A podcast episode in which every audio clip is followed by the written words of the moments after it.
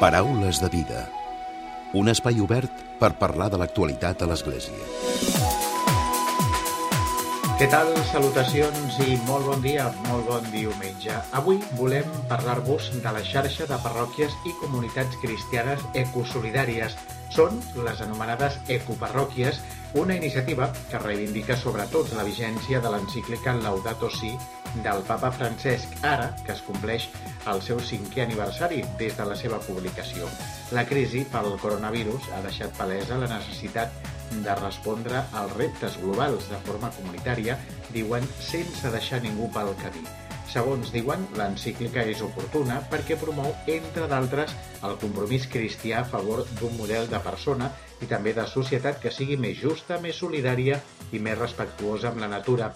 Avui volem donar-vos a conèixer aquesta iniciativa perquè un ampli grup de persones responsables i membres d'entitats, moviments i congregacions cristianes, també preveres, religiosos, religioses, laics i laiques de tot Catalunya han fet públic aquests dies el seu compromís amb una ecologia integral. Entre aquestes entitats hi ha la de Justícia i Pau. Avui en parlarem abastament d'aquest manifest, d'aquest compromís cristià, d'aquest compromís amb una ecologia integral i ho farem amb la Maria Bargalló, que és coordinadora d'aquesta iniciativa. I com sempre, quan arribi la recta final del programa, tindrem un nou comentari de Francesc Romeu, el segon comentari de Francesc Romeu des del confinament. Comencem.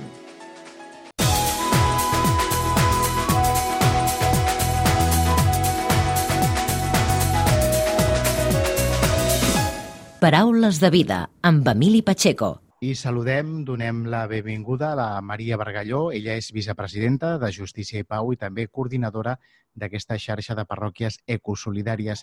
Maria, bon dia i benvinguda al Paraules de Vida. Hola, què tal? Molt bon dia. Parlem, Maria, d'aquesta iniciativa, d'aquest projecte, d'aquesta xarxa. De fet, és ja una xarxa de parròquies eh, ecosolidàries, no? Sí, té un nom una mica llarg, però és que deu ser perquè cada vegada es fa més gran. Uh -huh. De fet, seria, com... seria xarxa de parròquies, eh, parròquies i comunitats cristianes ecosolidàries, no? Sí, sí. La idea és que vam començar a engrescar unes quantes parròquies a treballar conjuntament en el tema de l'ecologia integral i, en mica en mica, doncs, eh, també vam veure que hi havia doncs, des de comunitats religioses, altres grups, o bé escoles, i, i cada vegada doncs, hem anat ampliant perquè, de fet, el que volem és això, és volem fer xarxa. Volem mm. treballar conjuntament per empènyer a tot el tema de l'ecologia integral. Uh -huh.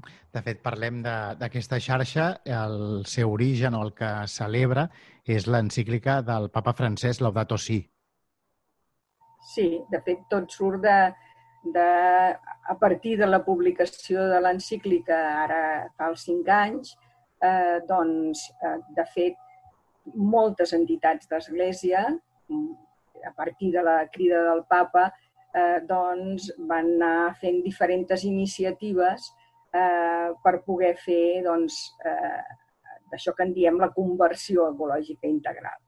Mm. Llavors, eh, el que passa és que una mica, almenys a casa nostra, han estat bastant fins ara iniciatives cadascú pel seu compte, per dir-ho d'alguna manera.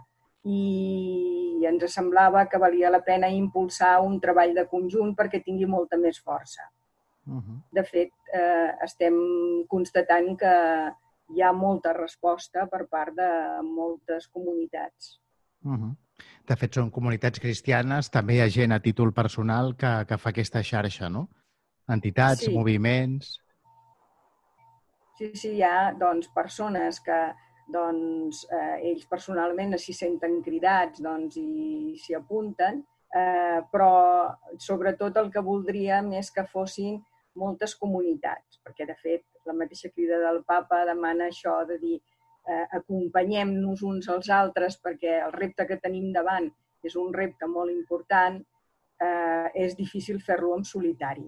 I és important la conversió personal, però també és important la conversió comunitària. Per això, com més estiguem enxarxats, més possibilitats tindrem, més ens apoyarem uns als altres eh, i més eh, podrem impulsar aquest canvi que el nostre món necessita. Uh -huh. Maria, de fet, eh, tal i com feia també el papa Francesc amb l'encíclica i ara també vosaltres recordeu, el que feu és expressar una, una preocupació davant, dieu, mm, textualment, un desenvolupament depredador que afecta els països i les comunitats més pobres. I considereu que, a més a més, la crisi sanitària ha mostrat un cop més la profunda interdependència que hi ha de la família humana, no? Exactament. De fet, per exemple, eh, el papa Francesc aquest any, amb la celebració d'aquest cinquè aniversari, eh, el, el, el lema que hi posa precisament és el tema de la interconnexió.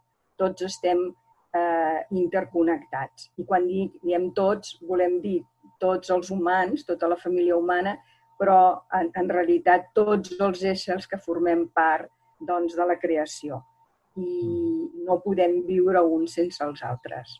I, mm. per tant, eh, els homes que d'alguna manera eh, doncs, tenim possibilitat de tenir-ne cura, doncs ho hem de fer d'una forma eficaç. Mm.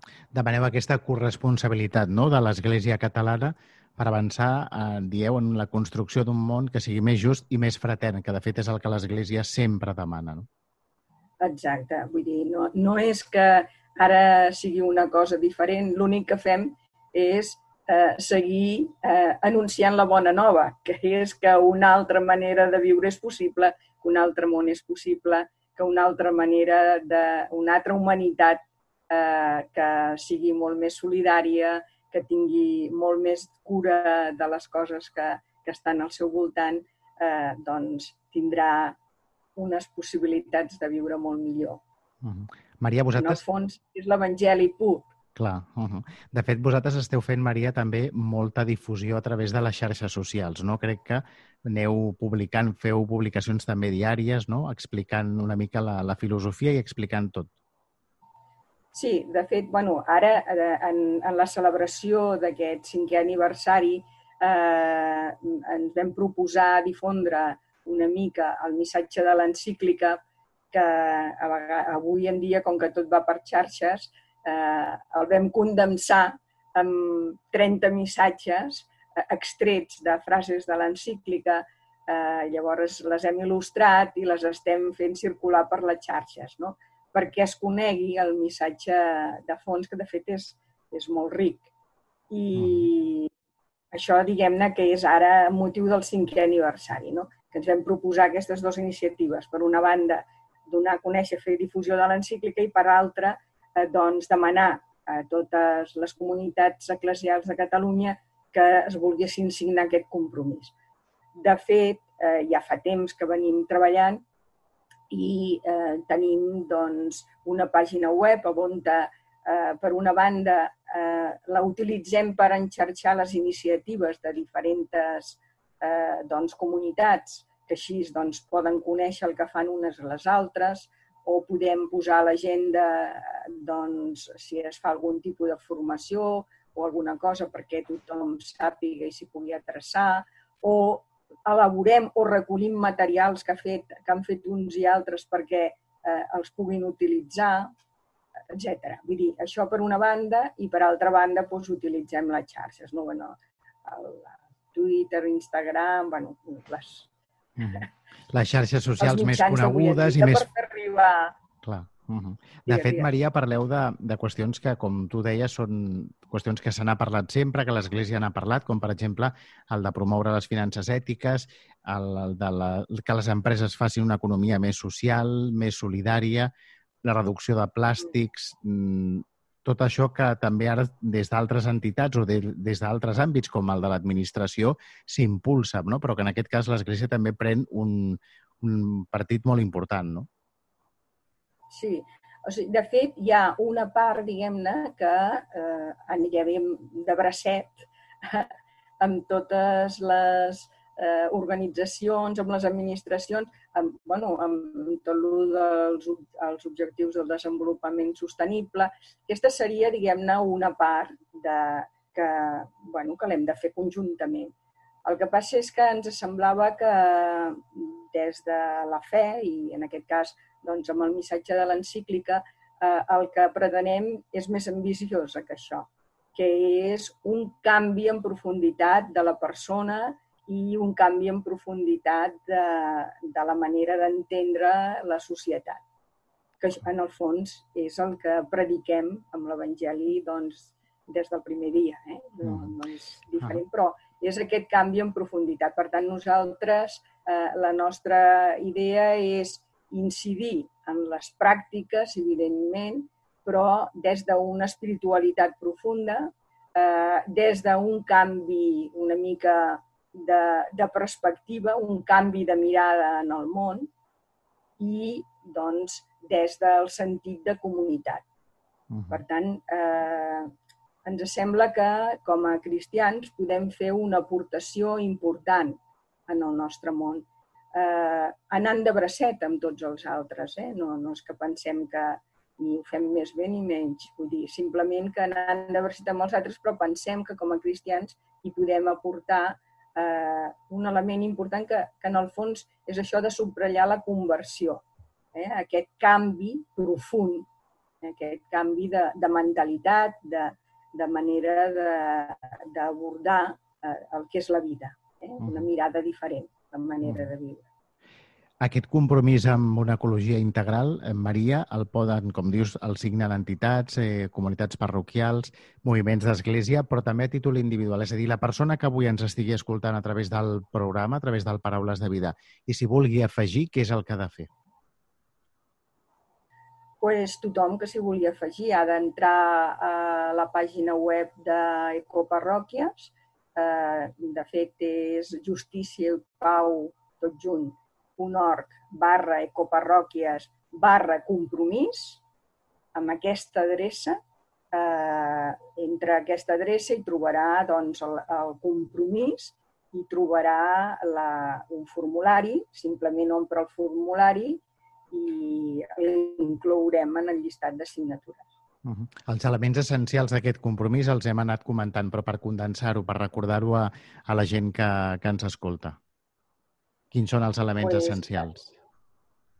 Els elements essencials és la cura de, de la nostra casa comuna, eh, tinguent en compte que aquesta cura va estretament lligada amb, amb el, a les persones que són més vulnerables, eh, preservar aquesta casa per les futures eh, generacions, eh, també tenir en compte els pobles eh, aborígens, els, els, pobres, els pobles indígenes, i, i després, eh, la, sobretot, el tema de, de solidaritat, de, de sentir-nos eh, totalment interconnectats amb totes les, les altres eh, persones i amb tota, doncs, amb tota la creació, vaja.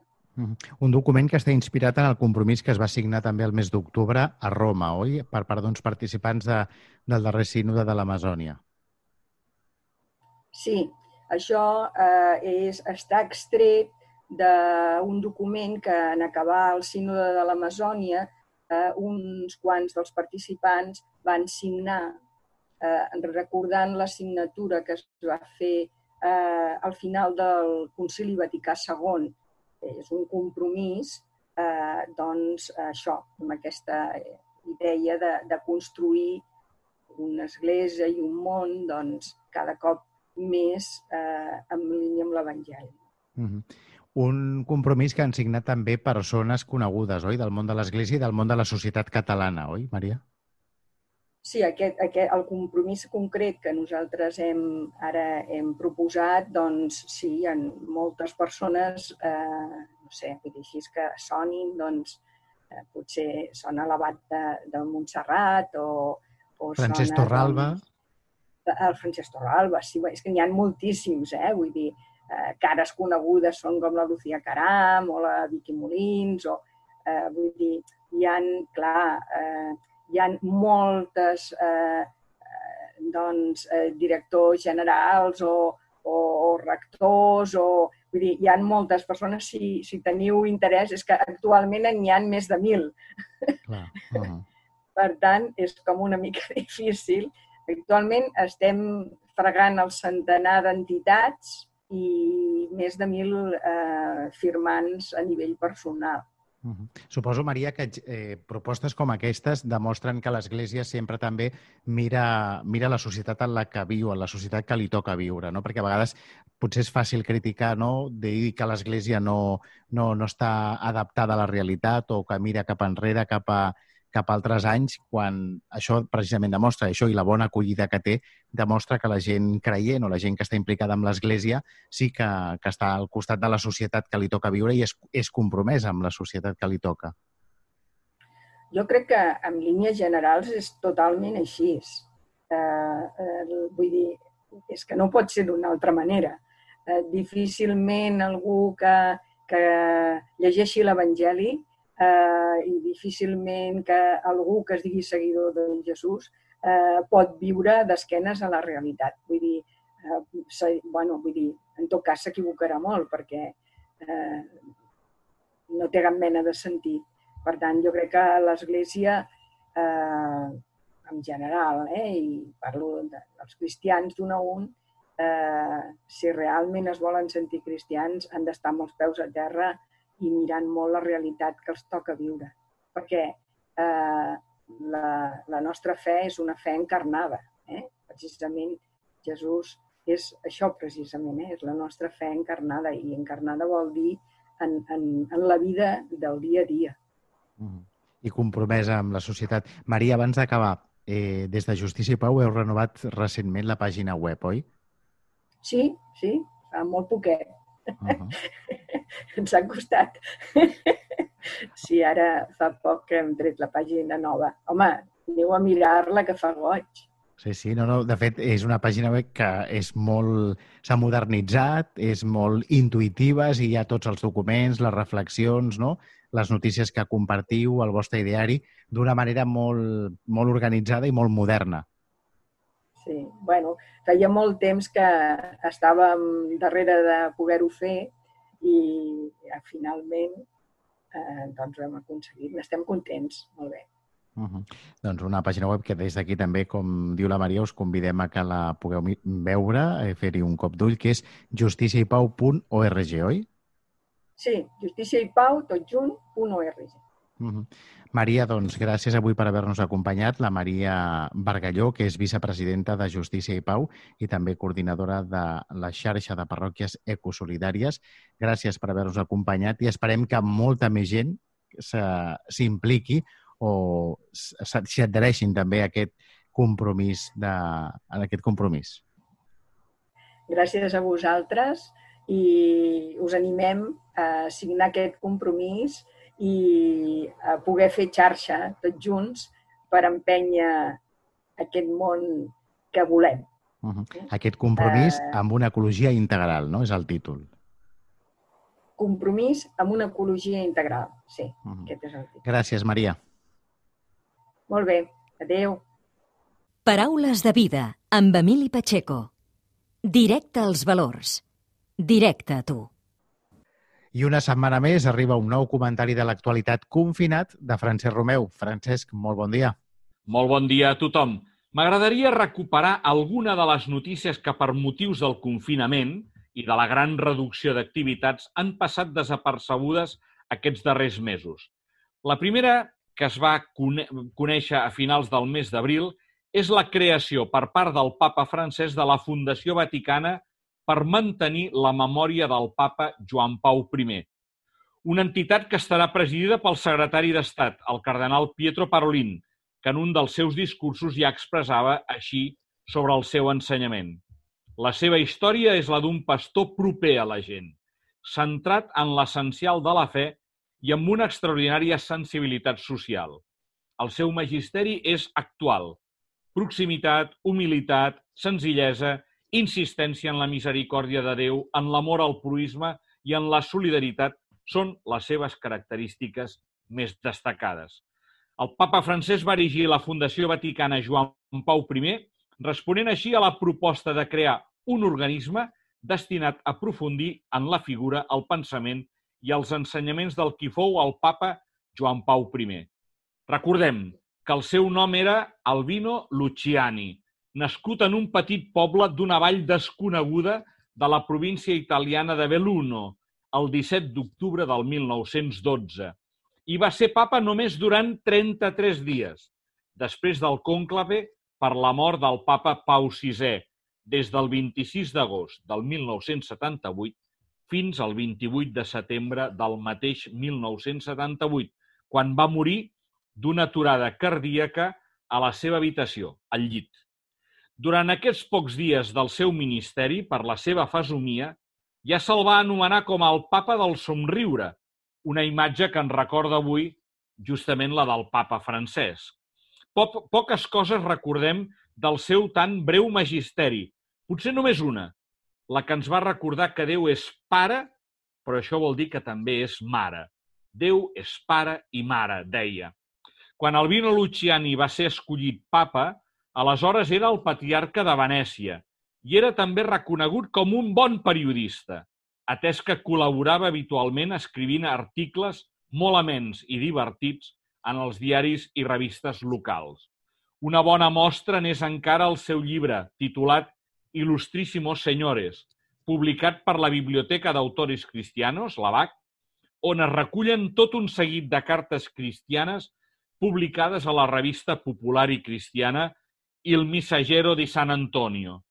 Són 40 cartes a diversos personatges, com poden ser Dickens, Mark Twain, Figaro, Petrarca, Goethe, Sant Bernardí de Siena, Chesterton, Pinocho, Santa Teresa d'Àvila i Santa Teresa de Lisieux, o el mateix Marconi, l'inventor de la nostra ràdio.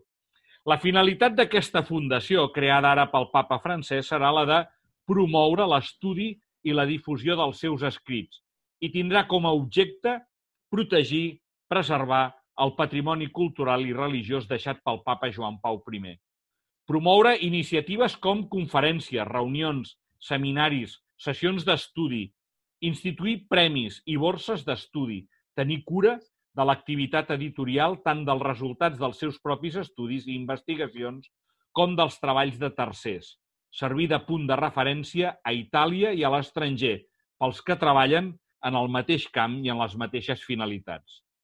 Tal i com deia el secretari d'Estat del Vaticà, el cardenal Pietro Parolin, que ara presideix aquesta fundació, Albino Luciani va ser un bisbe que va viure l'experiència del Concili Ecumènic Vaticà II.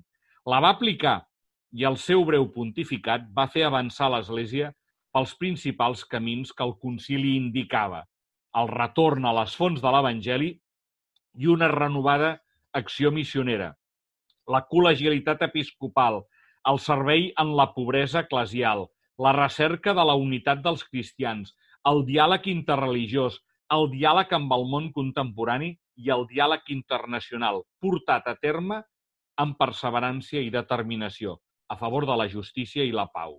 Penso, per exemple, en les seves audiències generals i en la seva insistència en la pobresa eclesial, la fraternitat universal i l'amor actiu pels pobres. Va voler incloure entre els preceptes tradicionals en l'Església un manament sobre les obres de solidaritat i ho va proposar justament als bisbes d'Itàlia. Per això ara és possible tornar a la memòria del papa Luciani, perquè el seu valor històric pot ser plenament restituït en les contingències històriques travessades pel rigor analític que li és degut i obrir noves perspectives d'estudi sobre la seva obra, i no sols per protegir tot el patrimoni dels escrits i l'obra de Joan Pau I, sinó també d'incentivar l'estudi sistemàtic i la difusió del seu pensament i de la seva espiritualitat, perquè, com deia Parolin, són extraordinàriament actuals. Molt bon diumenge a tothom!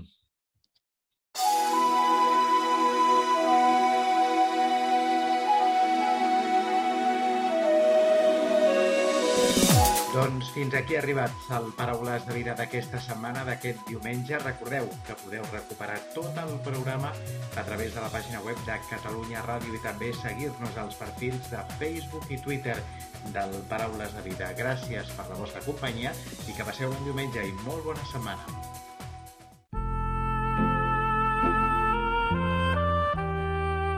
Us oferim la carta dominical de l'arcabisbe de Barcelona, Joan Josep Omella.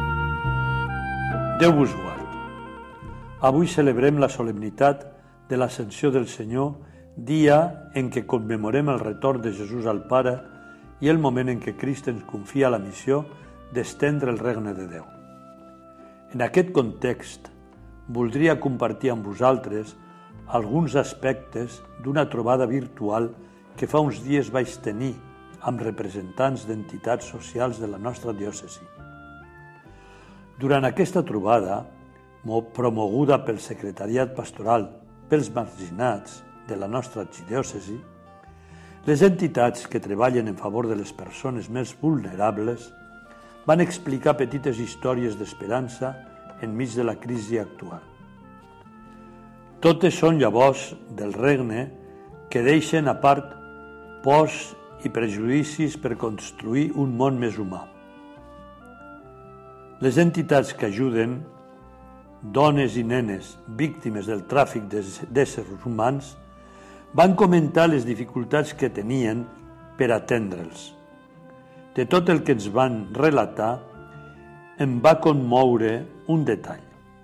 Moltes dones que són acollides en aquests centres també volen ajudar els altres i ho fan confeccionant mascaretes i bates per als centres sanitaris. Els voluntaris de les nostres entitats i parròquies que atenen persones arribades d'altres països han intensificat la seva tasca durant aquests dies. Molts d'ells han col·laborat com a traductors en hospitals o han ajudat aquestes persones a trobar un habitatge digne. Els centres que atenen persones sense llar han intentat estar oberts dia i nit per acollir el màxim nombre de persones possibles. Els col·laboradors d'aquests centres també han portat menjar i productes d'higiene als qui viuen al carrer. Les institucions que atenen infants i adolescents en risc d'exclusió social van destacar l'enorme esforç que han realitzat els voluntaris i educadors per continuar amb la seva tasca. Un altre àmbit d'actuació especialment crític aquests dies és l'atenció a moltes famílies que s'han empobrit com a conseqüència de la pandèmia. El creixent deteriorament econòmic ens demana solucions creatives i més coordinació amb els governs. També és crítica la situació de presos i mariners. Els primers han perdut el contacte amb familiars i voluntaris. Els segons han quedat en molts casos atrapats als seus vaixells sense saber quan podran desembarcar. L'esforç que han fet les nostres entitats per trencar l'aïllament d'aquests col·lectius és digne d'admiració. Vull agrair de cor la dedicació dels voluntaris i professionals que s'han apropat amb amor a les persones que aquesta terrible pandèmia ha deixat desemparades. Aquestes iniciatives són un oasi enmig d'un desert en el qual veiem com unes gotes d'humanitat poden pal·liar la set de tants afectats i a la vegada desvetllar-nos de la nostra comoditat per moure'ns a l'acció solidària. Les persones que reben suport i ajuda experimenten la tendresa del Pare. Senyor, tant de bo que els germans que aquests dies vinguin a nosaltres trobin una mà solidària, companyia i un gest d'afecte. Benvolguts germans i germanes, gràcies al testimoni de Crist ressuscitat que puja als cels, sabem que l'abandó, la soledat, el patiment i la mort no tenen la darrera paraula. Crist ressuscitat que torna al Pare ens obre les portes a una nova existència on l'amor, la joia i la pau triomfaran.